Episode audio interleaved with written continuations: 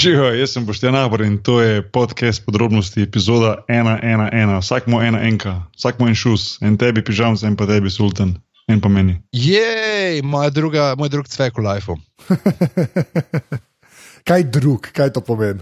Uh, v 12 letih, ko so šolanja, ko so se delile enice, sem, uh, je bila ena enica, je bila fizika, drugi letnik. Aha, to je to. To je to, ampak sem pa na faksu, ker dobu dvojko pri fonetiki, kar je pomenilo, da sem moral uh, dva roka spustiti. No, to, to, to je enka, efektivno. to, ni cvek, ni cvek, ja, tehnično gledano ni cvek. Ja, to je res, ja, ampak ni, ni pa daleč, no, gremo tako reči. Kaj si pa ti s cveki, že? Oh, mislim, v osnovni šoli dvomim, da kašenga, uh, srednja šola je pa druga zgodba. Se pridružujem tvojim. Ja. Na faksu pa nikoli nisem dvojka dobo. Jaz tudi še ne. Ja. Kako je šla seminarska, zaradi kjer si spustil prejšnji teden? Jo, zdaj si mi oddal, zdaj ne vem, zdaj čakam, upam, da bo. No. Kaj je tema, ali lahko vprašamo? Uh, people managing. Okay. Managing people, ja, tako da. Uh. Puh, dobro to. Dobar. A si v PowerPointu ali v Keynote delu? Ja, če seminarska, pa je sam tekst, to brez zdaj, pa si Word si oddal. V Wordu, ja. že je že upal, da boš kakšne slike poslal. Ja, tam dolo je, tako, da sem si imel slide, kakšno prezentacijo. Ampak, ja, okay.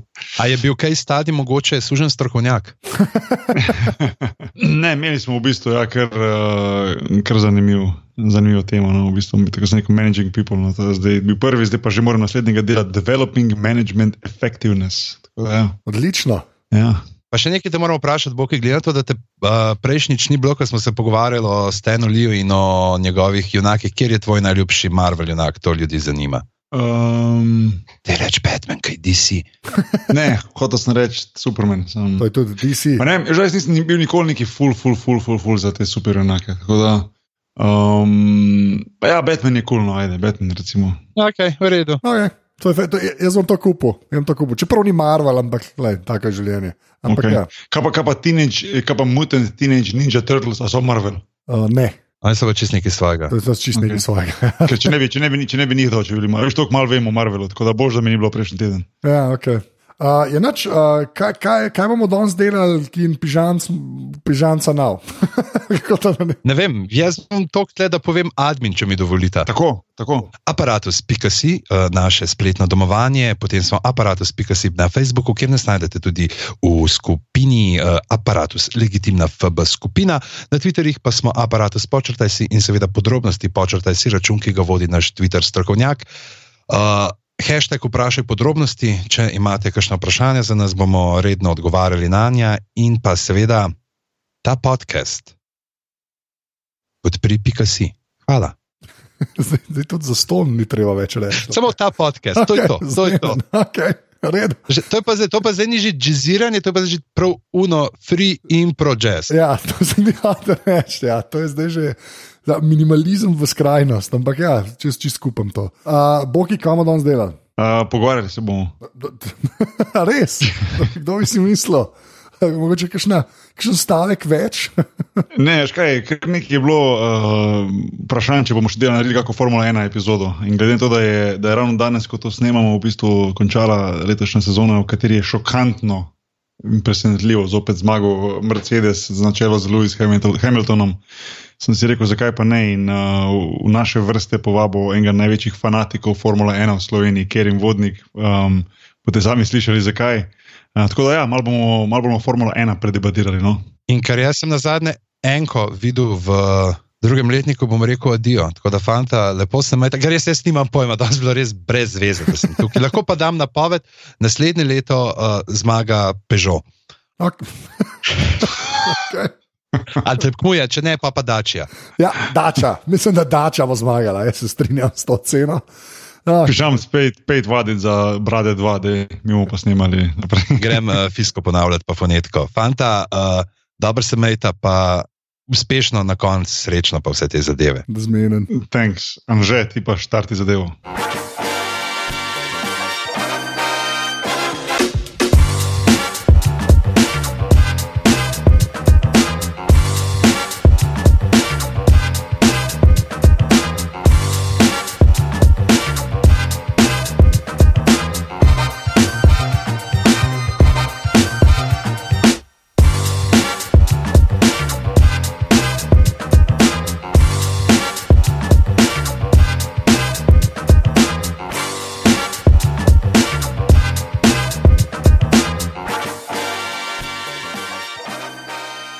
Živijo, Kerim, ful hvala, da si, si vzel čas, um, da si uletel uh, v podcast podrobnosti. Um, bilo, je, bilo je nekaj zahtev um, na to, da, da, bi, da je že čas, da naredimo zopet eno, eno epizodo na temo Formule 1 in glede na to, da se je lik danes, ko snemamo to končala, uh, ta današnja sezona, um, pa zato, da si ti ker si tudi prvak naše fantasy lige, ja. že to ti nisem povedal. Ja. Um, tako da ne bi mogel biti bolj primernega gosta, no, kot, pa, kot pa enega največjih fanatikov Formule 1 v Sloveniji, ker jim kje si. Ja, to, um, najprej hvala za povabilo, no. sem zelo vesel. Drugač pa ja, sezona je bila zelo zanimiva. Um, tudi um, tako, ko smo mi šli v Budimpešto, pa to. Uh mhm. -huh. Tako da v bistvu vsak let se zelo veselimo, vsake sezone. In, uh, letos, letos je bilo zelo uspešno, v bistvu za vsakega gledalca, ne glede na to, za katero moštvo si. Mislim, da je imel mrzlo kdo videti, mislim, da je bilo veliko za videti. In tudi ta slabša moštva so nekako priključila tem najboljšim. Razlike niso več tako gromozanske, kot so bile še par let nazaj. In, um, ja, vse skupaj se gre, vse vrti v neko pravo smer. No, Sigurno, ja. A pol, uh, se vidva sta zmeraj ta ekspedicija, ki greš v Budapešti? Ja, ja, to sem hotel zdaj ja, reči. Ja. Ja, Prvo sem hotel tebe vprašati, že kdaj boš ti šel zraven enkrat. To ja. moš malo doživeti. Več. Ja, vse vem, vse bi res mogel. da, da nam že, že prestane to, kdaj, ne vem, kdaj smo govorili o F1 ne, na podrobnostih, sedem let ja. nazaj se zdi. Ja, Ampak ja. Uh, ja, ja, enkrat bi mogel iti zraven, sem da vidim to odblisno. Ja, zdaj, smo šli, zdaj smo šli že letos, mislim, letos, no, pač letos poleti, no, smo šli drugič v bistvu zapored v, na Mačarsko. In um, v bistvu, v bistvu so to kar malo zgodbe povezane, mislim, par takih štori in baladori je, je to zraven. Uh, smo ekipa, koliko nas je, ker koliko nas je skupaj sploh, enih šest, koliko nas je šest, sedem. Ja, šest, sedem, ja, tako je. Uh, se pravi, Smiljan, Stane, Jure um, uh, ti jaz, pa Andro. Pa, ja, pa je pa Simon Novak, ja, točno. Tako, tako, tako. In, um, in v bistvu najavimo kombi in pišemo, ne? to je una varianta, vozi miško. Tako je.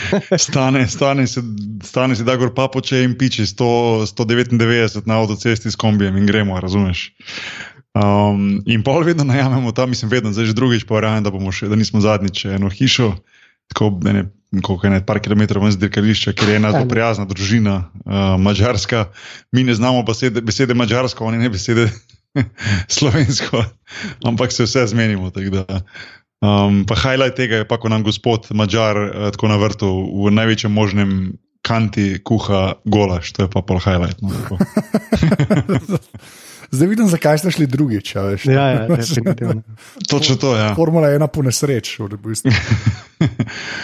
ja, mislim, okay, je to downside pri tem, ko smo pri tej zelo prijazni družini, ker pač moramo gledati njihove VHS kasete iz leta 84. Um, Kjer, so, kjer, se, kjer je v bistvu zelo tak štanc muzike, tako ajn, stvaj, polica, dražno, vse ne to. Ja.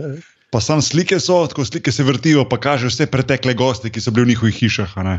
Od raznih švabov, do raznih bajkerjev, do raznih ne vem koga. Tako, in mi pač moramo to pogledati. To je pač ta downside, ki pride s tem.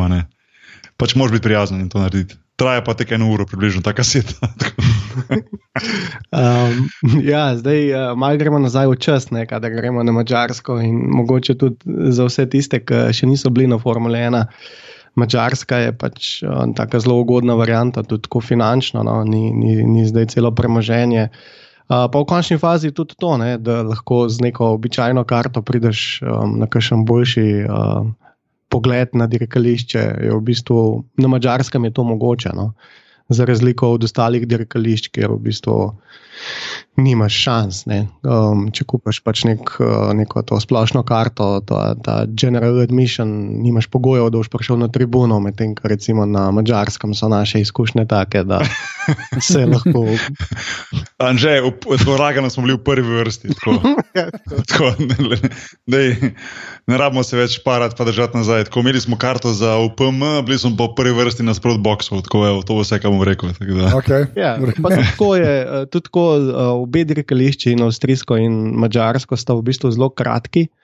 Um, tako da se ga, zelo, se ga da piš prehoditi in se lahko vidi potem iz večjih kotov, um, samo, same dirkalnike, stezo in tako naprej. Tako da, zdaj, recimo v Monci je steza zelo dolga, Um, dirkalniki imajo zelo visoke hitrosti in tam se v bistvu kot gledalec fizično vidiš bistveno manj kot recimo v Avstriji ali pa na Mačarskem. No. Tako da to je ena taka stvar, ki bi si jo lahko, tudi čist vikend varianta, mogoče za 100 evrov in evo, imaš super doživetje no, za kogarkoli v bistvu.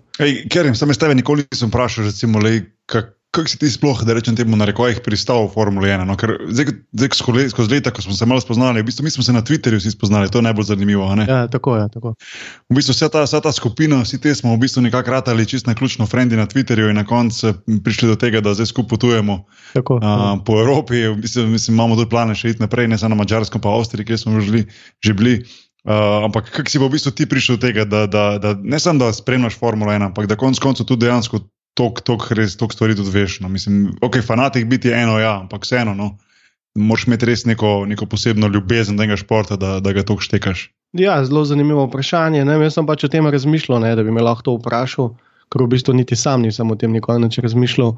Ampak to je bilo čisto naravno. Jaz pač sem imel mogoče malo drugačno otroštvo, kot ga ima večina. In jaz sem se zelo veliko zapiral vase, in kadar so bile po televiziji pač te dirke, sem bil pač presesan gor. No. Tako da že pri petih, šestih, sedmih letih. In od takrat naprej, iz leta v leto, se to nadgraduje. In zdaj, v bistvu, v zadnjih letih, ne v, zad, mislim, v zadnjih letih, tam nekje, ko je pač internet postal globalen in ko je vse prišla ta masa podatkov, od takrat, od takrat naprej, v bistvu, še bolj desesane. Tako da jaz mislim, da vem, če sem v življenju zamudil dve dirki Formule 1, je bilo zelo veliko. No. Um, pa še tiste je bilo v bistvu tako, da je bilo povezano z otroki. no, no, ampak zdaj, ko si vidim te podatke, recimo, jaz, jaz, jaz, čas, jaz sem časih, to smo že govorili takrat na epizodi, sem, sem spremljal Formule, potem vmes nekje med 2000 do 2000 skoraj 2015, skoraj nisem 12-15 let imel vmes pauze, ko dejansko skoraj nič nisem spremljal. Tako mogoče opazil, kdo je zmagal na koncu sezone in take stvari, ampak direkt niti nisem gledal, ker niti nisem imel časa. Nekaj časa sem tudi živel v Ameriki v tem obdobju in, in tam je Formula 1 slabo, slabo um, se spremlja, um, pa sem malo zgubil ta stik, ampak prej sem imel te podatke. Kje so, kje so največje razlike pri teh, ki jih en, en poprečen fan dobijo? Napram, recimo, prej, ko poznamo tisto obdobje zlato, da rečem temu obdobju, ajde, ne vem, uh, Sena, pa potem Šumahera. Um, pa recimo zdaj, ne, si predstavljam, da, da, da razlike morajo biti velike, ampak kje so pa največje te razlike? Pri teh podatkih, ki jih lahko en vidi, oziroma razbere skozi skoz to, kar dobi, kar je dosegljivo. Ja, v bistvu se dela že zelo veliko, zdaj v bistvu Formula 1 um, ima um, tudi sama po sebi ta njihova domena, fn.com, v bistvu 8 evrov na mesec je. Um, v bistvu ti dajo, niso jih podatki telemetrije, ampak dobivaš uh, podatke za sektor. Imáš v bistvu 8 kamer, lahko živo gledaš um, prek spleta. Um, potem tudi moštva sama. No. Mislim, da McLaren je neko obdobje dajal celo telemetrijo ven, ne, kar so v bistvu čist tehnični podatki dirkalnika med, ste, med samo dirko. Da, in pa seveda Twitter. Se mi zdi, da se je ta Formula 1 zelo preselila na Twitter. Um, tako da tam je v bistvu te sami dirkači, pa tudi, recimo, jaz sledim enim parim um, od Pirelija, um, inženirjev za pneumatike in tako naprej. Skratka, dobiš precej nekih informacij, ki jih nikoli nisi, ali pa mogoče kakšno sliko iz kulisija in si to potem lahko malo bolj živo predstavljaš, sem mogoče, a pa Instagram, recimo, kot Hamilton dela na Nemo. To, to so v bistvu te razlike, te glavne, ker včasih je bilo to tako zelo zaprto. Sploh Ališič se je odločil, recimo, da bo Formula 1 predstavil v Sloveniji na nek tak glamorozen način. Ne? In um, je bilo to tako, vse na pol bogovi so ti ljudje, ne, ki so pač v okolju Formule 1. Danes vidimo pač, da so to brkane neki normalni ljudje, ki pa pač globalno delujejo. Se pravi, v letu jih večino časa ni doma, um, domove imajo po celem svetu in um, ja, nekako živi z njimi ne, prek teh. Um, socialnih omrežij. No. Tako da sem kar presenečen, da so šli vsi, celo ki mi rajko na ne šel. Ne. Tudi on ima na Instagramu zdaj profil čez milijon uh, sledilcev, tako da to je za nekega enega gledalca. Finca. Pa tudi, pa, pa tudi za vse gledalce, lahko zelo pristno potem tudi doživiš, kaj recimo dirkač doživlja ne, čez nek vikend. Lahko je samo eno vprašanje. Uh mhm. -huh. imena, imena fantasy ekip. Ja, ne, ne, misliš naše ali kaj? Ne, ne, ne, v bistvu mi imamo, mi imamo, mi imamo čist, mi imamo čist uh, tako vsak, ne, nimamo, nimamo vsak svoje ekipe, veš, ker pač. A ja, a, škoda, ok. Mi, mi pa, ja. mi pa če še kak sistem imamo, ne, sistem imamo, da pač pred vsako dirko vsak določi, kdo bo pač zmagal m, kvalifikacije, kdo bo prvi, drugi, tretji na stopničkah, kdo bo imel najhitrejši krok, pa kdo bo ven z leto. A, in pa imamo nek sistem to, točkovan, ne, in, in fora je ta, ne, um, tisti, ki zmaga, dobi pokal, lani ga je dobil smiljen, ne, lani ga je dobil, a sem prav rekel, smiljen. Andro, Andro. Andro, prvo leto ga dobi smiljen. Tako, tako. Um, letos ga, dobi pa, ga dobiš pa ti, Kerim. Ja. Ampak tisti, ki je zadnji, dobi pa pinki majico.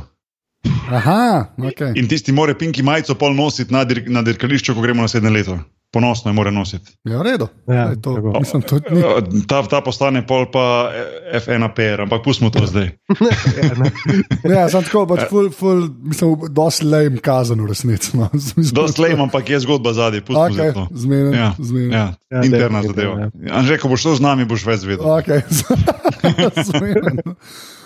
Ne, to smo hotel reči. Recimo, omenil si kimijo, uh, ker jim pa jaz vem, da kimi je v bistvu tvoj priljubljen, ne tako driver. Um, ampak kaj, kaj, je, kaj je okoli njega tako zanimivega, da je, zdaj, ko sem šel že na par dirka, ja. da vidim, da, da, da, da vleče eno, eno maso ljudi za sabo, navijačev.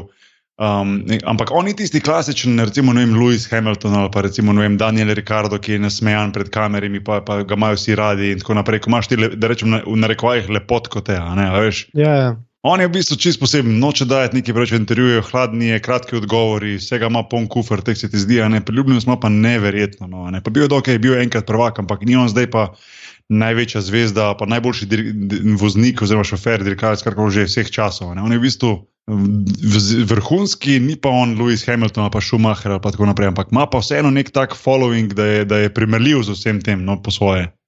Zakaj je to tako? Ja, zdaj tukaj je pač to bilo eno uro, samo o tem govoril.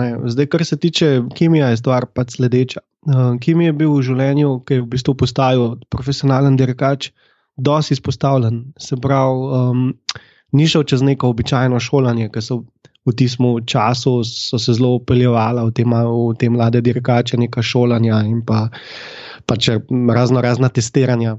In Kimi Rajkonen je v bistvu prišel čist na suh. Um, jaz sem to že nekaj na svojem blogu pisal. Uh, gre pa v bistvu za to, da so ga nekako zaobrili v enem paketu nekih mladincev vzel. In Kimi je v bistvu prvi dan, ki je pel, ni pel, nekaj dobro, ne? tako kot si pač rekel. Ampak naslednji dan, ki je odvozil, je v bistvu odvozil 3-4 sekunde hitrejši od prejšnjega dne in s tem pokazal v bistvu nevreten napredek v, bistvu v, v, v enem dnevu. In tisti, ki je za njim vozil na teh testiranjih v modelu, je bil Schumacher. In Schumacher je po koncu teh testiranj iskal Petra Zaubra in ga je sprašval, kdo, kdo je bil ta tip, ki je danes popoldne vozil um, z vami, uh, mislim, za vas. In mi rekel, ja, te bil, ki mi rekel, on, bla, bla. In uh, pol je bil tudi Zaubr, Peter Zaubr, nekako v neki dilemi, ne, spet, zdaj poslušati Red Bull, ki je v zadnji pritisku svojim dirkačom, ali vzeti zdaj enega mladinca brez narja, ampak načeloma hitrega. In Kimi Rajkonen vala v teh krogih, um, pač, ki so v Formuli 1 za en uh, nevreten naraven talent. Se pravi, naraven talent zato, ker Formula 1 ali pa dirkalniki Formula 1 so se v zadnjih letih tako spremenili. Um, Kimi Rajkonen je v Formuli 1 praktično že 15-16 let, oziroma 20 po, počasno. Um, in v vseh teh letih uh, preživeti tok menjav, uh, se pravi, uh, dirkalnikov, načinov vožnje um, in skozi biti v vrhu, to v bistvu uspe samo najboljšim. In uh, ja, Kimi je. Ne pozabite, dvakratni svetovni podprvak. On se je v bistvu trikrat boril za naslov svetovnega prvaka, enkrat mu je uspel, dvakrat mu ni. Lahko bi bil tudi trikrat svetovni prvak. Um, po, poleg tega, zelo zanimiva zgodba z njim je, da je šel v bistvu vmes v Rejli, Uh, Varel je šel zato, ker so ga iz Ferrarija ven izločili zaradi um, nekih internih iger, ki so bile takrat v zadnji. In moj Ferrari celo plačal, da ni derko. To je, to je v bistvu spet en precedens v Formule 1. Tega ni veliko. Ni veliko dirkačev v zgodovini Formule 1, ki jim je Ferrari plačal, da ne dirkajo. Ker so s tem v bistvu nekako hoteli zagarantirati uh, manj konkurence na, na, na trgu dirkačev. In ki mi je šel v Rejli, ki je popolnoma tehnično nasprotje Formule 1. Se pravi, če v Formule 1 drsi dirkalnik, jih dobiš šibo porit, ko prideš ven z dirkalnika, pri nekem reliju. Mora dirkalnik eh, drseti, obseb imaš kot pilota, in tako naprej. Tako da, to so čisto različni svetovi, in ki mi nima nobenega strahu to omenjati.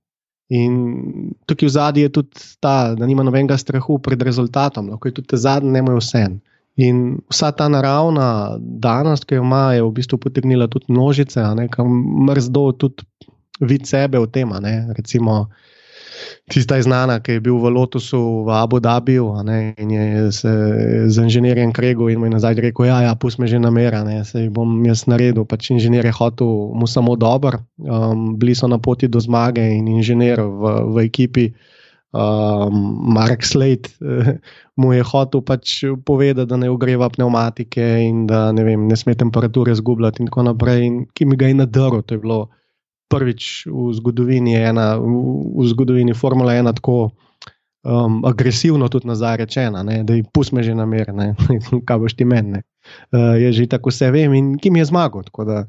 Um, to je ta njegov naraven talent, ne, ki pač bi bil lahko še dosti bolj uspešen, če bi zraven delal, če se ne bi toliko predajal pač, uh, lepotam življenja.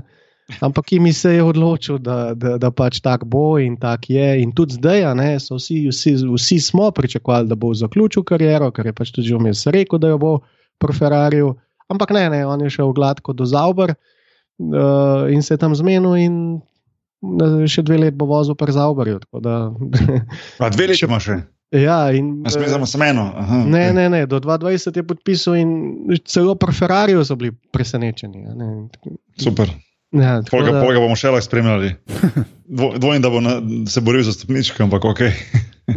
ne, in tudi to je to, ne? to je ta ljubezen do športa. Ne? Pač vse je, tudi če se bo vozil 17, ima uredno. Um, tako da um, to, to, to je pač res ta odlika dirkača in se mi zdi, da to, to potegne množice, pa, no? ko nekdo to izstopa, kot on s tem svojim odnosom in pa seveda to, da ne mu je uspel tudi povratek v Formula 1. Ne? Spet, eh, isko je sedež, ni vedel, kako pa kaj pri tem po, povratku. In Erik Bolje, ki je bil takrat šef uh, moštva Lotus, ga je v bistvu dal na testiranje, zraven je bil Ellison, zelo dober razvojnik um, dirkalnika in v treh krogih. Ne, se pravi, če se zdaj razumemo, ki mi je dve leti manjkalo vmes v Formule 1 in ko je prišel na testiranje, je v tretjem, četrtem krogu, pa so se dirkalniki vmes precej spremenili, enako pneumatike, bil na ritmu svetovnih prvakov, kar se tiče časa. Um, tako da to ni kar neki in to je spoštovanje, ki ga lahko dobiš samo na ta način, in ki mi jo vsi spoštujejo, od inženirjev do navijačev, do pač kogarkoli že pač. No. Ja, dobro, ja. Do, dobro si, dobro si, za tiste, ki morda ne poznajo to, jaz nisem vedel toliko stvari o njem, da si mal, si mal povzel to zgodbo. Um, kaj smisel zdaj? Uh, če bi šli na hitro, mogoče samo glede na to, da je letošnja sezona končala in da je šokantno zmagal Lewis Hamilton, doben tega nisi upal napovedati ali pričakovati. Um, pa bomo mogoče malo mal, mal kasneje o tej uh, predvidljivosti uh, Formule 1. Uh, sem mislil, da bi šli mogoče od zadnjega do, do, do najvišjega od ekip, pa mogoče malo mal pokomentirali voz, voznike, o šoferjih. Kako je sploh prav, jaz vedno se zmotim tu, ne sploh kaj šofer, dirkač, kaj ne rečem. Dirkač, jaz rečem, da vse živo je. Ja. In uh, sem mislil, da bi malo pokomentirali. No, če kar začnemo zadnji, recimo Williamsa, ne, včasih eden najboljših uh, ekip, uh, v bistvu je bil nekako res ena vodilnih ekip sploh. Um, jaz, če se spomnim prav, pa me popravi, Nigel Mansell je bil pri Williamsu, pa tudi Sena, uh, ki se je v ponesrečil v dirkalniku. Ampak, ampak oni so bili v bistvu, bom rekel, sila, ne force. Tako, in, in zdaj so v bistvu že kar nekaj časa čist na repu. Um, mogoče kaj, kaj se dogaja, pa kaj lahko realno pričakujemo za, za, za, za naslednjo sezono. Mislim, se, se da pričakovati kak naskok, da saj recimo prideš bliže tistim prvim, petim, šestim, ali so še vedno bolj kot ne bojo obsojeni na to, da so na koncu. Verjetno je dosti pomembno povezano tudi z financami. Ja, veliko je povezano s financami, predvsem pa treba razumeti eno stvar. Um, Formula 1 se trenutno vrti, tre, trenutno je to stanje. Um, okoli motorjev, se pravi, imamo štiri proizvajalce: Mercedes, Ferrari, Renault, pa Honda. In vsako moštvo, ki ni tovarniško, se pravi, ne izdeluje samo motorja, recimo Williams, McLaren, um, Zauber, Force India, uh, mora motor kupiti. In že ko kupuje motor, uh, ima eno težavo, namreč ne dobi najboljše, speci najboljše specifikacije, ki jo, tovar ki jo tovarna ima. Tovarna ima najboljšo specifikacijo zase in tem ponovadi reče specifikacija A. Um, specifikacija B se pa proda tem moštvom. In zdaj neki handicap je že v osnovi s tem motorjem. Uh, druga stvar je pa to, um, recimo za Williams leta 2014-2015 uh, so vozili čisto v redu, se pravi ta turbo doba, so bili kar v spredi, um, na kakšni dirki so, so celo v kvalifikacijah namahali Mercedes, um, potem je pa sledil ta padec. In zdaj, če gledamo po ljudeh, uh, Williams nima slabe ekipe, daleč od tega. In uh, trenutno jo vodi Paddy Love. Um, Paddy Love je bil recimo zraven pri treh naslovih Mercedesa v zadnjih letih uh, in ni kar eden. Um, in uh, zdaj on vodi ta razvoj pri pr Williamsu, in seveda ni pozabil, kako se naredi dober dirkalnik. Um, ampak um, dejstvo je, da uh, Pedilov je rekel, da so letos imeli preveč agre agresiven dirkalnik, aerodinamično preveč um, agresivno nastavljen, in posledice so bile pač take, kot so bile. Seveda pa s to dirkaško ekipo oziroma zasedbo, ki jo ima Williams, pač ne morejo računati na kakšne uspehe, ne? ker pač to je dejstvo. Um, si rodki in si. No, sorry, ampak pri njih za, pri, za, pri, za prihodnost, mislim, pa bo zanimiv um, dirkač na sedem sezono. Če George uh, Russell, pa Kubica, boste dirkali. Ja, ja, zdaj, Kubico sem poslušal na podkastu uh, od Formule 1. Um, in je povedal, kaj je največji problem. Največji problem je, da so se dirkalniki vmes tako spremenili, da se morajo učiti z nule, kubica. Ne zna voziti teh dirkalnikov, po domač povedano. Anže, to zgodbo poznaš od kubice? Ne. Da, m, dobro, dej, uh, ker jim malo povej tako na hiter. To ima zanimivo zgodbo, v bistvu, no, zakaj je on zanimiv. To je tako na pogled, na pogled, zdaj ko pogledaš v bistvu. Um, čeprav so da zaradi nesreče, ampak tako se mu zelo vidi tista poškodba. No, mogoče lahko to malo pišeš, ker mi je zakaj tako zanimivo, da se on vrača nazaj v, bistvu naj, najviše, najboljše tekmovanje. Uh, Kupica je bil en tak, bomo rekli, dirkač, ki je v bistvu bil v uh, dobi Hamiltona, pa uh, Rosberga, pa skratka teh, vseh teh super. Uh, super dirkačev, že v mladosti. In oni so se srečali že na teh um, kartingih. In Kubica je bil edini, ki jih je v bistvu lomil, da tako rečeš. Ne? In Hamiltona, in Rosberga, in ostale, tudi Fetla. Um, tako da so bili nekako, mislim, so vedeli, da Robert je zelo, zelo hiter in uh, on je kar dobro v bistvu uh, šel čez kariero um, tega mladinca. In je potem tudi v Formuli 1 zelo lepo uh, napredoval, no, potem je pa prišla tista nesreča na uh, Rejliju, ki ga v bistvu ni hotel voziti, to je bilo, mislim, da v Italiji, um, se nesle, je pač se nesrečno razbil in si praktično uničil celo roko. Ne. In uh, zdaj Robert bo vozil, v bistvu ta roka, vsak navaden smrtnik bi jo zgubil. Ne. Um, Nemo so v zadnji uspel, um, zelo dober prijatelj uh, Kubice je Alonso. Uh, ki je bil takrat zelo v zadnji in mu je zelo pomagal, in v bistvu vsa ta stroka, vsi ti zdravniki, skratka, vsi so se vključili, ne, ker tukaj je Formula 1 kot neka taka, ena taka velika družina. Um, in definitivno so mu rešili tisto roko, ampak ta roka pri Kubici je zelo omejeno gibljiva. Uh, in Robert bo v bistvu s pol roke dirkal, oziroma z eno pa pol roko, zdaj dirkal v, v Formule 1. Zdaj, ali ga to moti, prav, da ne, rekel je, da ne, da se da to vse prilagoditi. Um, večji problem pa s tem, da dirkalnika ne zna voziti. Namreč dirkalnik se v mestu spremenil, noter ima baterijo, 33 sekund na krok, ima baterija teh 160 dodatnih konjev. In um, to je treba pravilno znati uporabljati. Um, air management, oziroma te gume, ne, držati gume na temperaturi, jih ne preveč uničiti in tako naprej. Skratka, Formula 1 se je popolnoma spremenila v, teh, v tem času. Ja, Samo, sa, kva, baterija, kva. ja. To prvi slišim. Kva, no, res. Ja, dirkalnik Formula 1 ima pač baterijo, je pač hibrid. Ja, ja. Ja, to, res, to res nisem vedel. Ja. Zelo bežno spremljam. Ampak... A, to nisi vedel, kaj je to? Ne, to je na forum teh stvari. Okay, okay. Okay. Ja, Notor je baterija, ki vsak krok omogoča teh 33 sekund, da se sproži 160 konjev iz uh, te uh, baterije. Baterija se polni na dva načina. Eno je z zaviranjem dirkalnika um, drugo je pa z vročim zrakom, ki prihaja iz turbopolnilnika. In ta dva dela polnita to baterijo vsak krok, tako da dirkač ima to na voljo.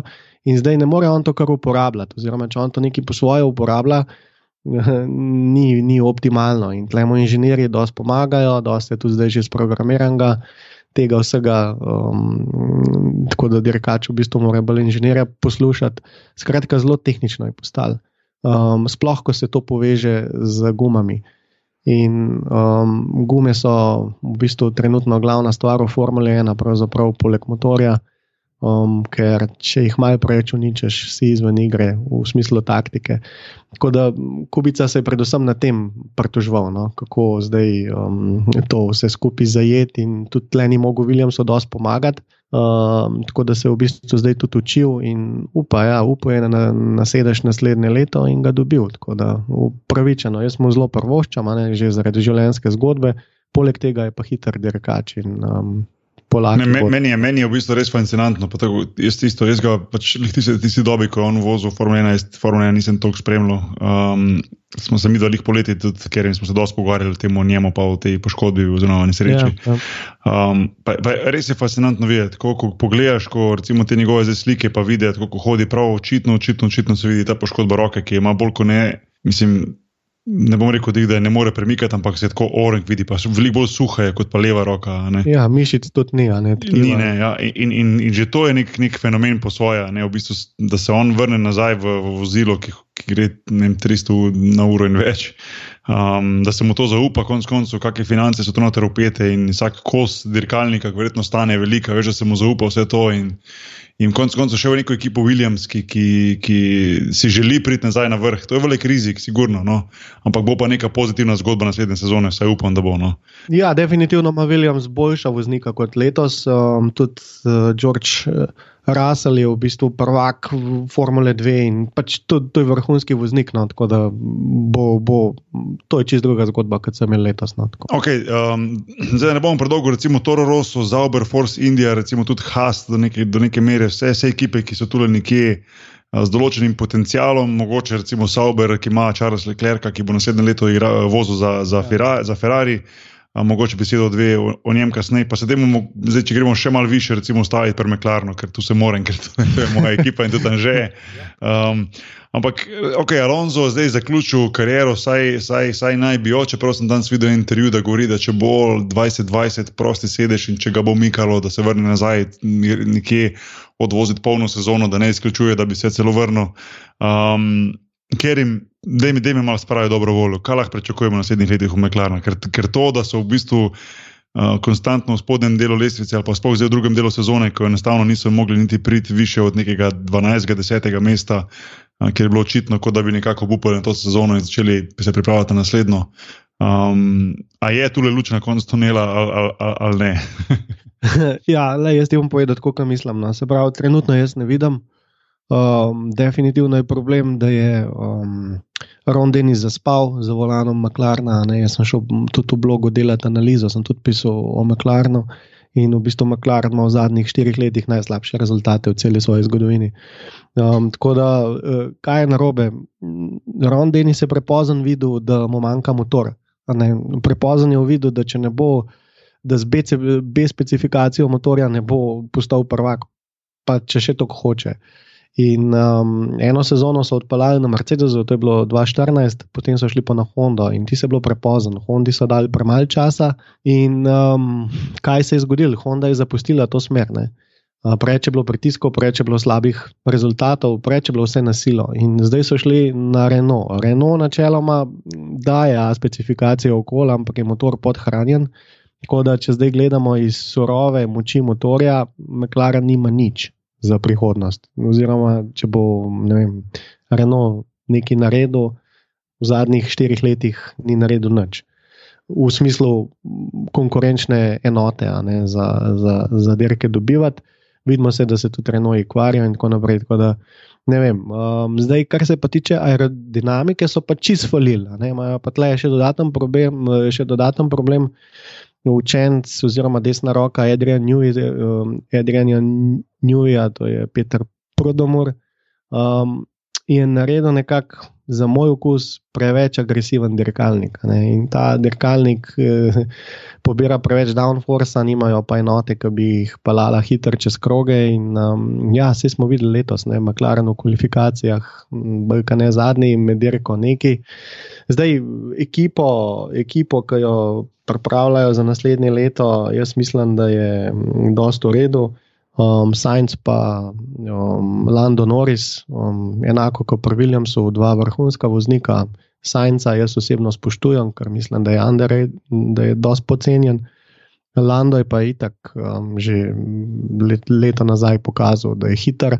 Alonso ga je vzel v Ameriko letos tudi na um, neko zdržljivost tekmo. Tako da ne vem, se mi zdi, da dirkalnik je poštiman, mislim, eh, dirkači so poštimani pri Meklarnu, um, inženirji vsekakor so poštimani, denar imajo, um, prišel bo uh, še um, tale, no, um, kaj že, uh, James Key od Toro Rosa, ki bo pomagal sestaviti nek boljši dirkalnik. Tako da na, na kadru delajo vse prav. Ampak manjka pa tisti koncept, manjka neko zasledovanje cilja in nikamor ne pridejo. No. Tako da zdaj ne vem. Jaz mislim, da naslednje leto se bojo pravila tehnično malo spremenila, to je treba zelo na glas povedati. Um, Zdaj, če bo McLaren tle kaj naredil, bomo pa videli. No. Jaz sem zadržan. zadržan. A, ti še, a ti je všeč ta oranžna barva, drugače pa njih? Pa ne tok. No.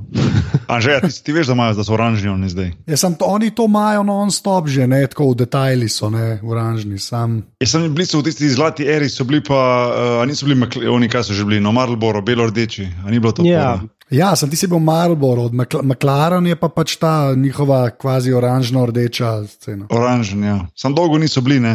To so bilo nekako back to the roots, je bila ta varianta letos, ko so se v bistvu vrnili. Ker še prejšnje leto so bili črno-rdeči, ali kaj so bili. Ron Denis kriv, ne? ker pač on je vedno rekel, da dirkalnik bo tako, kar bo, spon bo sponzor povedal. Ne? Tako da tak je pa tudi bil in ni bil nič tle s to barvo. Zdaj, američani, ki vodijo to, so dali nazaj, mislim, američani. Ne, um, ne vodijo to američani, ampak šef moštva je američan in uh, njegova desna roka tudi je to malo bolj zdaj tako narejeno za ljudi v kol. Vse je lep in tudi barvo so neko novo namešali, ki ni bilo. Ampak um, ne vem, no, se mi zdi, da. Okay. No, zdaj, zdaj, pa, zdaj pa prej si omenil, recimo, re, Renault na hitro, da se, da se kvari. To, oni so kar naredili, da so oni lani, predlani, da so leteli nazaj v Formula 1 kot ekipa. Um, in so naredili kar, so, so se kar postavili na mapo, da rečem temu tako. No. Um, Čeprav ne vem, ne vem koliko je realno tudi, da bi oni pa ogrozili, da rečem temu, velike tri, no, Mercedes, Ferrari, Red Bull. Um, a, a je, a so oni, se lahko od njih kaj več pričakuje, misliš, um, glede na letošnjo, bo neko solidno sezono, ki so imeli? Ja, prenojo v zadnji je Alan Prost. Ne, Alan Prost ni en tak um, karedan, ampak točen ve, kva dela. Uh, in uh, ko so zdaj zvabili tega Daniela Ricciarda v svoje vrste za naslednjo leto. Ne, um, so mu tudi povedali, da ne bodo imeli zmagovalnega dirkalnika. Ne. Tako da ga oni sami ne pričakujejo. Tehnična ekipa v zadnji, ki se stavlja dirkalnik, je malo sporna v narekovajih. Pač to niso ljudje, ki bi najmo v preteklosti bili neki uspešni ali pa pri nekih uspehih. Um, tako da bomo videli, zdaj Hulk je dober voznik, um, Ricciardo tudi.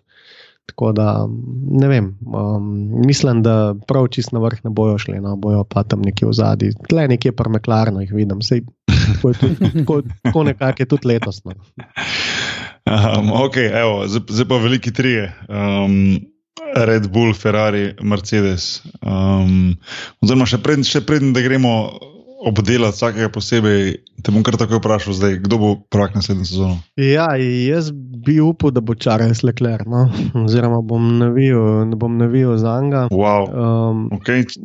Jaz mislim, da ima tako čisto realne šanse. Uh, zdaj m, bomo pa videli, kaj bo Hamilton pokazal. No?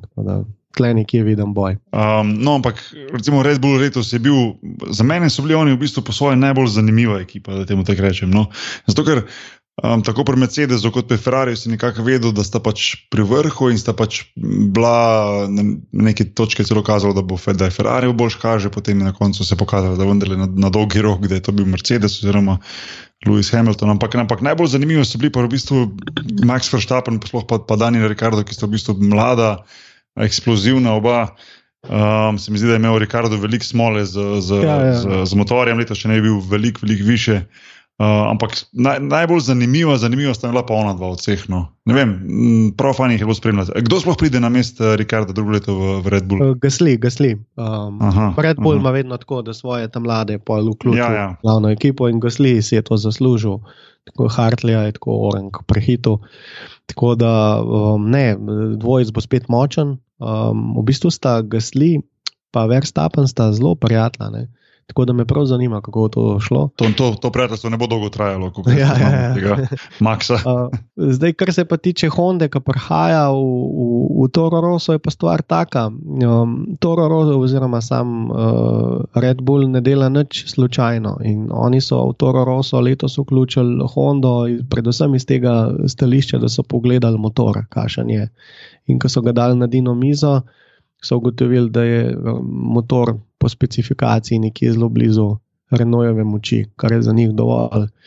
Um, zakaj so prevekslali? Predvsem zato, ker jim Renault ni dovolil šarati po mapah, se pravi elektronske nastavitve oziroma programiranje, uh, medtem ko si Honda to dobesedno želi. Um, ker Honda, nekako McLaren, je zdaj potisnil v Formula 1, tri leta so v zadnji z razvojem motorja, imajo samo že od nekdaj eno moštvo, s katerim lahko to delajo v primerjavi, ne vem, Mercedes ima tri moštva, Ferrari tri moštva, skratka, to so gore podatkov proti enem majhnem moštvu. In uh, Honda bo naslednje leto prvič imela, odkar se je vrnila v Formula 1, dve moštvi, um, dvojno preverjanje podatkov, uh, dve različni analogiji delovanja dirkalnika in uh, Red Bull v zadnji, ki jim bo pomagal. Tako da uh, Videli smo že letos, ne, kako je Toro Rosso šel na nekaterih dirkah zelo dobro. Um, in ne vem, bomo videli, kaj bo spravili skupaj. No. Uh, tukaj je še manjši problem, tale Adrian Newey je sicer vrhunski dizajner, najboljši aerodinamik v Formuli 1, ampak on ponavadi za aerodinamiko žrtvuje tudi pozicijo motorja ali pa ne vem. Hm, eh, malo morajo, mal slačati pri Red Bullu, potem ti proizvajalci določene dele teh motorjev in kar ponavadi lahko pripelje do kakšnih dodatnih okvar. To sem hotel reči. Medtem ko Renault, McLaren boste šla dosti bolj varno v to. Bo Red Bull zelo agresiven naslednje leto, in uh, bomo videli, no, predvsem z vzdržljivostjo, kako bo šlo. Uh, kar se pa tiče hitrosti, uh, šasija Red Bulla je najboljša v Formuli 1, boljša od Mercedesove in Ferrarijeve, um, ampak manj kot teh 50-60 konjev ja, se pač pozna. Ne? Tako da na tistih tezah, kjer pač tega manjka, ni, je Red Bull spredi. Tako da bomo videli. No. Jaz vsekakor pričakujem kakšno zmago za Honda drugo leto. No. Uh, to je bilo že lepo. Ja. ja. uh, Honda, ki jih je tako dobro pobediti zaradi tega fejla pri McLarenu. No. Um, čeprav še vedno ni čist, ni čist jasno, kdo kaj. Ali pa je jasno, kdo je bil kriv, pa zakaj je to. Mislim, vsak sigurno ima svoj del krivde, no, zakaj tisto ni, ni laufalo tako, kot je bilo pričakovano. No. Ja, ja. Um, Um, ne, to sem hotel reči, uh, oziroma vprašati. No, to meni nikoli ni bilo tako jasno, no, še zdaj mi v bistvu ni, pa smo se o tem pogovarjali. Recimo, koliko je tu dovoljenih nekih sprememb, kar se šasije tiče pa teh stvari. Veš, kakšne so tu te ta prostor za, za manevre znotraj tega, ker obstaja neke pravila, pravila dimenzije, ne vem, uh, teža itak in tako naprej, ampak kaj si tu lahko? Ja, lahko si velik. Določen dizajner privošči, veš, mislim, ker tako en, en, en, en, en tak lajk, ko gledaš, se ti zdijo skoraj vsi iste, samo da je barva druga, ne? ampak ko greš malo detajle, pa vidiš, da je kar precej detajlov, razlika med Red Bullom, recimo Ferrari in Mercedesom, že ne, najboljšimi tremi. Ja, predvsem je treba razumeti, da gre za koncepte. Če bo Ferrari neki našraufal na svojo šasijo, ni, ni rečeno, da bo to zdaj delal pri Red Bullu. Gre za koncept, uh, kako dirkalnik deluje in kako je ravnotežen. Zdaj, kaj je predpisan eh, strani Formule 1, definitivno elektronika. Se pravi, vsi dirkalniki imajo enako elektroniko, ki jo FIA nadzoruje potem pneumatike so enake. Um, teža dirkalnika je določena, um, in to je pa v bistvu tudi to. Uh, zdaj, to so tli. Kaj pa kakšne dolžine, pa širine, pa te stvari? Um, po dolžini ni neki omejen, po širini pa je. Tako da neki, nekateri dirkalniki imajo daljšo medosno razdaljo, nekateri krajšo. Um, to pa ni smelo, da so vsi isti, veš, potem, da imajo vsi isti. Ne, ne, ne. Veš, te, te medosna, pa vse te širine, določene, pa, pa na tem pa lahko ti gradiš, kar hočeš. Ni... Ne, ne, ne, to, to ni, to ni še tok stok serija. No, čeprav... Počas bo. ja, upam, da ne, no, ker pač neki, neke razlike vse morajo biti. No. No, čeprav po drugi strani bi si pa, veš, po drugi strani bi si pa skoraj želel, da so, da so vsi isti, da dejansko lahko dobiš tistega najboljšega dirkača. Zato, ker se mi. To ta američan v tebi govori. Več, ja, ja, točno to. Točno to, že. Ker prevečkrat se mi zdi, da ko gledam, pa si mislim, ok, Lewis Hamilton, super zmaga, najboljši. Ampak, a če bi bil, pa recimo, ne vem, mm, Ricardo v, v njegovi poziciji, bi bil jih tek prvak letos, veš. Verjet, verjetno bi bil. Ja, ne, se ne bi kaj dosti spremenili. Ne. Ljudje imamo skozi to upanje, da kaj bi bilo drugače, pa ne vem kaj. Ampak v osnovi vsi pozabljamo, da v bistvu vse imamo, F3 pa F2, to sta, to sta dve stok seriji, ampak tudi tam se izdvoji. Sam so dirkalniki čist glih, pa pol spet niso, zato ker nekateri inženirji so boljši in znajo malo boljši avto nastaviti. Nekaterim dirkačem pač ustreza en način vožnje, nekaterim drug način vožnje, nekateri vozijo malo bolj okrog, nekateri pač malo bolj agresivno. In, ne morejo voziti vsi po isti ternici, pa od njih pričakujemo, da bomo zdaj dobili najboljšega. Ne? To ne gre. In že tam vidimo v F2, koliko je pač nekih razlik. In v Formuli 1 so samo še večje. In tle je Eccleston je pozicioniral Formula 1 kot glamour, kot nekaj najboljšega, kar motošport svetu lahko da. In tle se vpletu še denar. In meni osebno je v redu, da so te razlike. No um, ker imamo te nižje serije, ker se vse vidi. Ej, kaj je bila pa za nas tista grozna nesreča, ko smo se menili v naši, naši grupi? Kje je bilo tisto? Di se je bilo v Makau. Kaj je bilo to za eno tekmovanje? Bilo formula, bilo, ne, ni bilo Formula E, sem prav rekel. F3, F3. A, F3. Ja. Uh, Anže, si videl tisto? Nisi verjetno zasledil. Kaj, ne. Uh, bomo, dali, bomo dali link zraven. Ja. Mislim, ena tako grozna sreča, ki je tako zelo, zelo uvinek, počasi pele, pa pa naenkrat tako enega po zraku, da besedno prenese, tako bom na polno. In, uh, in sem jih hotel reči, to sem hotel zdaj, ko smo se jih te aerodinamike, pa te razne, pa te preko so menjate brzine, pa tako naprej da, da še le, ko greš v živo pogled, ko vidiš isto hitrost, eh, še le malo doživiš. Uh, hočem povedati, da takrat še le doživiš to pravo brzino, pa to pravo silo, ki je, ki je vleče ena taka mašina. No. Um, ja, definitivno. Ja. Mislim, po televiziji je pač vse enako, približeno, ne, ampak z, ko priješ na dirkališče, pa so razlike, tudi vidiš, kako se dirkalniki vozijo zelo drugače se mi zdi, da tam se. Ne, jaz, jaz se kar malo napalim, ko prijemo tja, se spomnim, ko prijemo prvič tja do, tistega, do, cilj, do ciljnega ravnine, tam recimo na Mačarskem, do prvega vinka, ko čuješ tisto mašino, pa kot piči res, tisto 300 na uro noter v vinek. Uh, tam začnemo kar skakati, se spavo, spavičem, pa se začnemo kar je, začnemo kar butati, kako jih ne reče budale. pa pa se usedemo, pa tako meklaren zadnji, pa jaz to grem poklapan domov. Ampak pol dobim golaš, pa je vse v redu. Um, evo, to je ta glavna dva, Ferrari in Mercedes. V bistvu Ferrari no letos dolgo časa je bil blizu, na neki točki je kazalo, da bo mogoče eh, Sebastianu Vetlu celo uspelo, da bo da bo prvak na koncu, na, tako sem prej rekel, na dolgi rok, vseeno ne, se mi zdi, da je imel. Na tak feeling sem imel, kot da je imel Mercedes vedno kakega jokerja, še pa asa v rokavu, no, da ga je potegnil v pravem momentu, da so pa naredili dodatni preskok, ko je Ferrari že mislil, da jih je ulovil. Um, Kaj si ti gledal letos na ta, na ta battle med, med Ferrari in Mercedesom? No, pa lahko oboje hkrati malo pokomentiramo, da ne moramo mhm. ločiti ene pa druge ja, ekipe. Ja, predvsem Mercedes se je združil kot ekipa in so jo tako izpostavili. Mislim, da mi smo bili na mačarskem, ki so v bistvu takoj, ki sem že med dirko nekako rekel, da so žrtvovali botasane. Um, in v bistvu tako zgodaj v sezoni niso oni še nikoli žrtvovali nekoga taktično, samo zato, da bi vem, drug voznik dubil. Um, in to je že nek pokazatelj, bil takoj, kam moštvo mer, Botas eh, je hiter voznik, ampak ne na dovolj stezah, se pravi, ima pa tistih par stez na, na leto, ki je konkurenčen Hamiltonu, na večini pa ni. Ne. In enostavno je pač postavljen kot dvojka, oziroma kot tisti dirkač, ki pomaga. Um, medtem, kar pri Ferrariju zanimiv, um, so bile te taktične odločitve kar mal čudne včasih in pa predvsem tudi ja, Fetel s svojimi napakami. Ne, letos jih je imel kar nekaj uh, tista, Cvet, cvetke. Cvetke. Ja, cvetke, odstopi in tako naprej. To, to je pač na tem nivoju nedopustno, ne? ker pač Hamilton trenutno ne dela nobenih napak. Um, s tem, da zdaj, če pogledamo, mi, ki je danes odstopil ne? na dirki, ni prišel niti do konca. Um, pa je vse en prehitil Botasa v skupnem seštevku, ne? kar nekako pomen, pokaže ta duel drugo vrščenih dirkačev v, v moštvu, vedno nekako nakazuje, kako je šel dirkalnik. Ne. In Kimi se je s tem dirkalnikom zelo dobro pel, in uh, Fetel bi mogel enostavno več iztržiti, pa ni.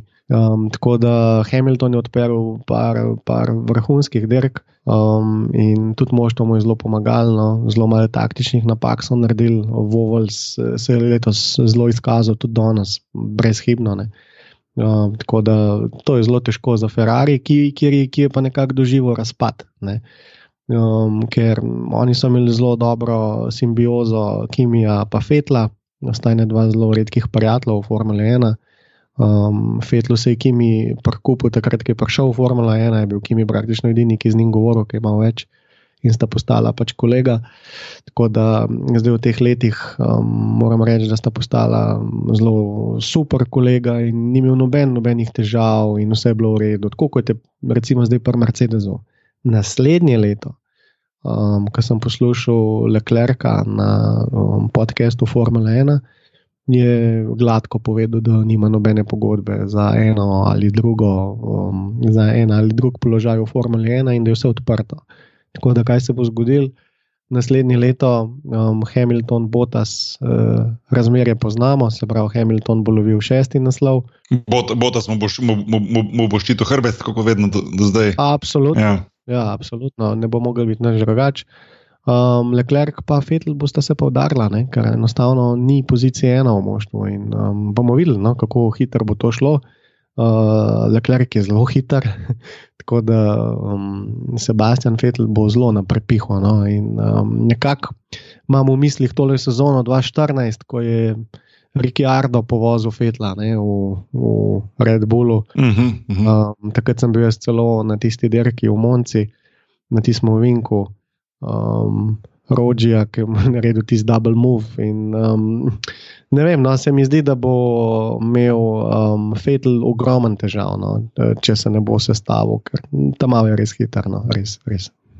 Um, ja, in, in, in to je zdaj, boš zdaj spet rekel, da američano meni to govori, ne? ampak jaz bi si želel, da, da, da, da, da, da teh stvari ne bi bilo, da en mu ščiti hrbet. Ne? Oziroma, če že je pol, da bi recimo vsaj pred boljših dveh Mercedes pa Ferrari oba druga voznika to delala. Uh, zato sem večkrat se zabavil, da, rekel, da, mi je, da mi je Walter Botas, da mi je najbolj antipatičen. Um, ker, ker je tako, bil je tako prav.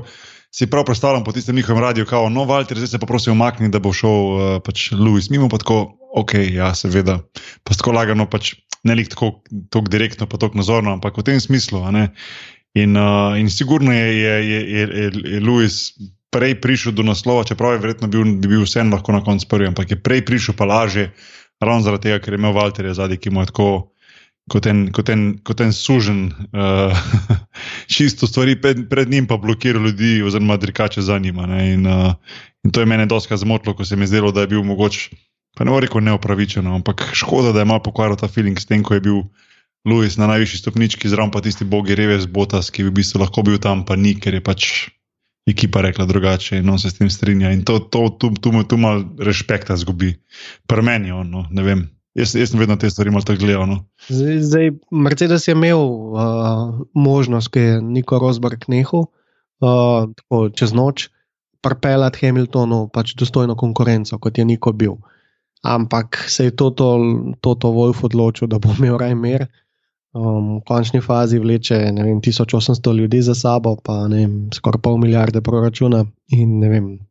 Uh, mogoče malo lažje no, imeti nekoga, ki ni tako konsistenten, ker bo ta se hiter voznik, tle ni dvoma. Sam, a ne enostavno je 20, stez 21, pač koliko je leto in to je toliko različnih načinov vožnje, toliko različnih stez in občutkov in vsega. In tle bo ta ni dober. Zdaj, kar si pa govoril o teh zadevah, ne, da se to na stezi vidi, te, ste, te stvari se dogajajo izven steze. Tam se mora dirkači pozicionirati. Recimo prvič, ko pogodbo podpisuje. Um, recimo Botas, ki je podpisal letos pogodbo, si lahko mislimo, kaj je podpisal. Uh, po drugi strani um, pa um, Leclerc absolutno ni podpisal dvojke. Tako da to je en boj, ta političen boj. Mogoče tle bi znal Al Alonso zelo veliko povedati. Ja, ampak tule, tule ja, Alonso bi znal. Ja. Uh, ampak tule jih uh, hočem reči, da pač mogoče malo popuščajo navijači zaradi tega, no, ker v bistvu ne dobiš tistega pravega pravega dirkanja, kot si sam rekel, je že zmenjeno prej, je že zmenjeno v boksih ali pa že prej s pogodbo in tako naprej. In, tako naprej. in tu pač ne dobiš tistega pravega na stezi, ko bi ga v bistvu kot nek fan pričakoval, da se bo ta dva udarila tudi znotraj ekipe ne, in šla res uno. Uh, veš, guma do gume, um, pa se to, pa se to žal, žal redko dogaja. No, oziroma, jaz se ne spomnim teh duelov, tistih boš veliko bolj kerim. No. Uh, ko so se znotraj, znotraj ekip. Ja. ja, na zadnje je bil pač Rosberg. Rosberg čist, ja. ja, je pač tudi povedal v svojem podkastu, kako je v 2016 prišel v Hamiltonovo glavo noter. Ne. Um, enostavno je vem, shujšal za ne vem, še dirkači ne smejo preveč hujšati. Ampak uh, Rosberg se je vseeno odločil, da bo še malo shujšal za dve kili. In uh, to je na določenih stezah, na tistih, ki so sledile, pomenilo dve do tri desetinke in točno to, ki je bil hitrejši um, od Hamiltona. In Hamilton ni upal več hujšati, zato ker lahko pride telo v stres in ne da več tistega, kar, kar daje. In uh, je šlo pol sezone mem, preden je Hamilton prišel sam do sebe. Skratka, to so te mentalne igrice, ki se grejo v zadje. Um, in je. Uh, ta dvoboj Hamilton, Rosberg je bil zelo dober in je dal tudi pač posledice, ne, ker zdaj sta v bistvu kaj skregana, oziroma um, sta kar oddaljena. Um, tako da bomo videli, zdaj, kako bo to delovalo. En problem je, recimo, Alonso. Ne, on je tipičen voznik, ki zaduši svojega sotekmovalca v moštvo, ki čist ga zaduši. Um, in potem vidimo, kaj je super Alonso in pa moštvo, ki pač se lahko čez zgubi. Uh, se pravi, pa ne zdaj, da je Alonso kriv, da je McLaren šel tako slabo ali pa ne, da je pri Ferrari prišlo do vsega tega, kar je takrat od 2014. Um, ampak um, ta agresija onemogoča dvojni razvoj, ker moštvo rab alternativni razvoj. Oni ne vejo, ali ne vem, bi mogoče to boljš delovalo, ali bi ti zdaj testiranja so omejena in včasih se vse testira. In, um, zdaj, če imaš ti samo enega dirkača, druge pa dalec zadaj, um, to pogosto ne pomaga. No? Tako da ne vem, bomo videli. No? Jaz se pravim, um, Hamilton vsekakor ne dela napak, nobenih napak, uh, voz zelo lepo. Um, praktično tako, kot je, je neprebojen in ga bojo zelo težko zrušili. No? Ampak vidim to v Lecleru, um, pri Ferrariju. Ferrari letos, za moj okus, je imel celo boljši dirkalnik od Mercedes vsaj s to dvojno baterijo, um, ki niti ni dvojna, ampak so jo nekako tehnično porazdelili na dva dela. Kot sem prej rekel, uh, kad rekač spusti zavoro um, oziroma gas, se začne uh, v bistvu baterija polniti z energijo, pridobljeno zaviranje, in pa drugo z tega turbopolnilnika. In oni so v eni bateriji dali to na pol, na dva dela. In nekako ne dobili ven več moči, to niso, ampak lahko so baterijo bolj um, učinkovito uporabljali. In videli se je, no, da na nekaterih stezah so imeli absolutno, absolutno um, to dinamiko nad Mercedesom, Mercedes ni mogel nič. Uh, Mercedes je imel še sabo, dosta težav s temi pneumatikami, in pol na koncu pač se ni šlo, ne? predvsem zaradi Fetla letos, po mojem. No? Ja, pa bomo kar nekaj pritiska na njemu naslednjo sezono, da, da se res pokaže. Ja, Fetel je zelo pod, pod pritiskom in mislim, da bo tudi leto, no? če ne bo drug let, eh, kakšnih posebnih uh, rezultatov. No? Ne vem, bomo videli. No? Ne, tudi Alonso je bil malo zloben, zdaj sem videl, ker so ga sprašvali, kaj bi bilo, če bi on zdaj v Ferrariu pa ne bi bilo rezultatov. Ne vem, neko tako čudno vprašanje je prišel. In je rekel, ja, to bi se zgodilo, kar se je zgodilo s Fetlom, pa s Kimijo. se pravi, pač dobesedno, ne, Fetla so dali na prepih, to je hotel povedati, Kimija so pa vrgli ven. Ja, ja, ja, ja. ja. ja. Um, ej, za, za, za na koncu um, mi mogoče malo povej, če bi lahko zbral enega od te nove generacije, um, za katerega vidiš, da bo imel najbolj svetlo prihodnost. Recimo, ne vem, Ricardo, Verstappen, uh, Leclerc, ki si ga parkrat omenil, uh, Sainz, uh, te, te, te, te novi, ki so zdaj mladi, ki prihajajo, da, da če štejemo te, bom rekel, za že izkušene. Uh, starejši, pa te, ko so že bili prvaki, za katerega vidiš, da bo imel najbolj. Povem, da je dosto odvisno od tega, kje je moštvo, bo, kako bo moštvo v tistem momentu se razvijalo, pa vseeno, na katerega bi največ stal, če bi danes se mogel odločiti. Ja, Verstappen je zelo napredoval, letos, na začetku leta je divjal, divjal, divjal, in potem so ga pa umirili. Dejansko so mu pač tudi povedali, da če odkud je rekel, da ga bojo menjali.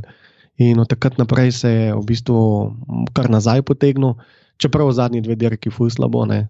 tam v Braziliji, čist na glavo, mimo kona, oziroma oba kona, pa, pa tudi danes, mislim, pač kolo na kolo. Mislim, to ni potreben in tak dirkač ne vem, koliko bo uspešen. Vse bo dobil tiste svoje naslove ali kar koli, ampak na, zdaj prav nek velik, ne vem, no, ne vem, zdi se mi, da bolj ne. Um, Okon ima zelo zanimivo življenjsko zgodbo. Ne? Če, ne vem, če kdo ve, ampak um, da je on prišel v Formule 1, so starši prodali celo hišo, živeli so v prekolci. In taki ljudje um, imajo zelo veliko moč in zelo veliko željo. No? Tako da um, njega je potem pod okriljem vzel Toto Wolf. Um, tako da Wolf, mislim, da ne vem, zdaj odvisen spet od Hamiltona in tako naprej, ampak če bi ga uspel pritisniti not, uh, na prvo pozicijo, konj je hiter, no, tle, tle ni dvoma in to zelo dober voznik, gasli isto. Ampak um, jaz osebno bi mogoče kar na um, Leclerca. No. Leclerc je pač čisto, ne, imel neko težko življenjsko zgodbo, oče mu je umrl na poti v Formula 1 um, Jules Bianchi, ki je bil njegov nadomesten, ne oče, ampak ne vem, mentor ali kako koli, je tudi umrl v Formule 1. In tam malo je pač, um, če ga pogledamo, čez te serije šel kot prvak ven in tudi letos, recimo, no, je deklasiral Eriksona. Tako da Leclerc se mi zdi zelo, zelo velik potencial. No, Dosti bolj umeren kot Verstappen. No, cool. Moče za ne pet let naredila novo, veliko, ki sem jo prav. Ja, vse je narobe. ja. um, za na koncu sem te hotel vprašati, uh, recimo, vedno, vedno, ko smo šli na te dirke, sem videl, da nosiš s sabo fotoaparat no, in delaš tudi vrhunske slike. Odkje je ta žilica za to slikanje? To sam iz formula, je formula razlog za to slikanje, oziroma fotografiranje ali obratno? Veš, kaj mislim? Ja, zdaj pač Formula 1 je nekaj, kar ne bom nikoli vozil. Ne? Um, ampak lahko vedno sem gledal. Ne? Lej, lej, nikoli ne rečeš, nikoli. Ja, ja, ja, ja, life, life je nepredvidljiv, stari. Ja, ja, absolutno. kaj, pa, kaj pa, če te kdaj unga, unga, unga tu siterje povabijo, da greš no, nekako no, kot A ja, pa nismo rekli še, sajt je fanatic1.net. To smisel na koncu zdaj reči. Ja, ja, okay, pač ja, to, zdaj, ki se že o slikah pogovarjamo. Ja, ja, ok, ok. Ja, um, ja, zdaj fotografija je pač nekaj tisto, kar lahko isto hobi. No? Oboje imam za hobi, mislim za hobi. Oboje rast raste z mano in fotografija in Formula 1. Um, tako da, ja, spremljam tudi fotografije pač v Formule 1 in tako. Tako da, um, kadar gremo na dirke, ja, to si res želim, ne, ta fotopes dobiti, da bi prišel malo bližje in tako lahko z kakšnih pravih pozicij to posliko, ker zdaj zaenkrat je to vse neki čez dvojno varnostno ograjo in tako naprej. In pri teh hitrostih je to zelo. Pač, ne, ja, sam, sam ti rade res dobre slike. No. Se spomnim, pol zvečer vedno jih daš na laptop, pa si prav podajamo okoli mize, pa gledamo. Pa ti tako res, res kulurate. No, jaz sicer se ne spoznam na fotografijo, ampak enih, prav, prav, enih, enih par je prav takih, tako kot blizu dobro jameš, ker je v bistvu s prostim očesom ne moreš teh detajlov videti. Ne, veš, in pol pa v bistvu to sliko, v bistvu jameš, je, je, je res kulno. Cool, Ja, hvala. No. Um, se pravi, no, pač to zelo rad delam, tako da bom v bistvu vsekakor v prihodnosti imel pač ta cilj, to je eden izmed ciljev no, mojih osebnih, da bi prišel čez blizu, čez raven in tudi naredil nekaj boljega, no, kot pa do zdaj. No, je pa trenutno pač, kako je pač omejeno. No, pravi, ne moreš nekaj preveč zdaj narediti. Ne. Od tako daleč, čez dvojno ograjo, pač je res težko. No. Itak, ja. Itak se te vedno vidim, ko iščeš najboljše možne pozicije, dokaj se mi ja, tam ja, zabavamo. Ja. um, Ne, hotel sem to reči, ja, tako se ti reče, že eno. Fanatic one.net, v bistvu res cool blog um, za vse tiste, ki, ki imate rade Formula 1, pa ki vas več zanima. Um, ponavadi po vsaki dirki napišeš neko analizo, um, ogromno imaš nekih full dobrih komentarjev, ali je to v volanu, ali je to v gumah, ali je to v motorju, ali je to v bateriji. Pač se, se, se teh različnih stvari se jih lotiš in, in, in spišeš skupaj, se mi zdi, da, da, da lej, ne samo zato, ker smo kolega, ampak zelo, zelo zanimivo je brati in, in zvedeti, kako taka informacija za tistega, ki si želi malo več. Pa fully dobro. Da, da, da, se, da se lahko po dirki nekaj greš eno stvar prebrati o, o, o, o analizi dirke, pa malo mal dru, z druge zorne kota malo mal zveš kakšno informacijo več o sami dirki, ki jo mogoče skozi gledanje ali na katerem od, od, od na slovenskem kanalu, kdo ima TV3 ali to že ima. ja, TV3. Ja. Ali pa, ali pa na katerem tujem se doskrat zamudijo te detajli, ki so za nekega, da rečem temu, fanatika uh, pomembni, da jih vemo. Tako da še naprej ti želim, ful dobro, da, oziroma veliko sreče s tem, s, tem, um, s tem blogom, ki ga pišeš, pa so to njo, ker res nekaj, kar se mi zdi, da pri nas zelo rabimo. No, Okay, najlepša hvala. V, v, v, v, imenu, v imenu ostalih fanatikov F1 v Sloveniji, thanks za to. No. hvala. hvala. Um, um, ja, Anže, um, za na konec. Izvolijo. Dajte kakšno oceno temu podkastu v iTunesih, to bom najprej rekel. Uh, Sicer smo tudi na Twitterju, afna podrobnosti, počrtaj si, pa aparatus je tudi uh, afna. Aparatus počrtaj si in pa seveda podpri, pika si ta pot, ki se je za ston, prosim, ne vem, nekaj moram reči, ker to ponovadi pižam počne. Uh, drugač pa, uh, a ja, uh, kje si pa na Twitterju, da nam sam bloga omenjali? Pa noč, ker jim vodnik, no, sej tweetam niti ne tok, um, ampak lahko bi začel, ampak trenutno bolj ta blog. No, okay. uh, Boki, kje si pa ti na internetu? Boki, da, to je to. Odlično. Svugde, ni da meni. Posod, tudi na papirju. Ja. Uh, jaz, sem, jaz sem tudi uh, posoten ZT, uh, tako, da, tako da mi da bo rekla adijo. Tako da adijo. adijo. Uh, Boki bo pa rekel. Srečno, pa ne za večno. ne more, še zmeraj je dobro.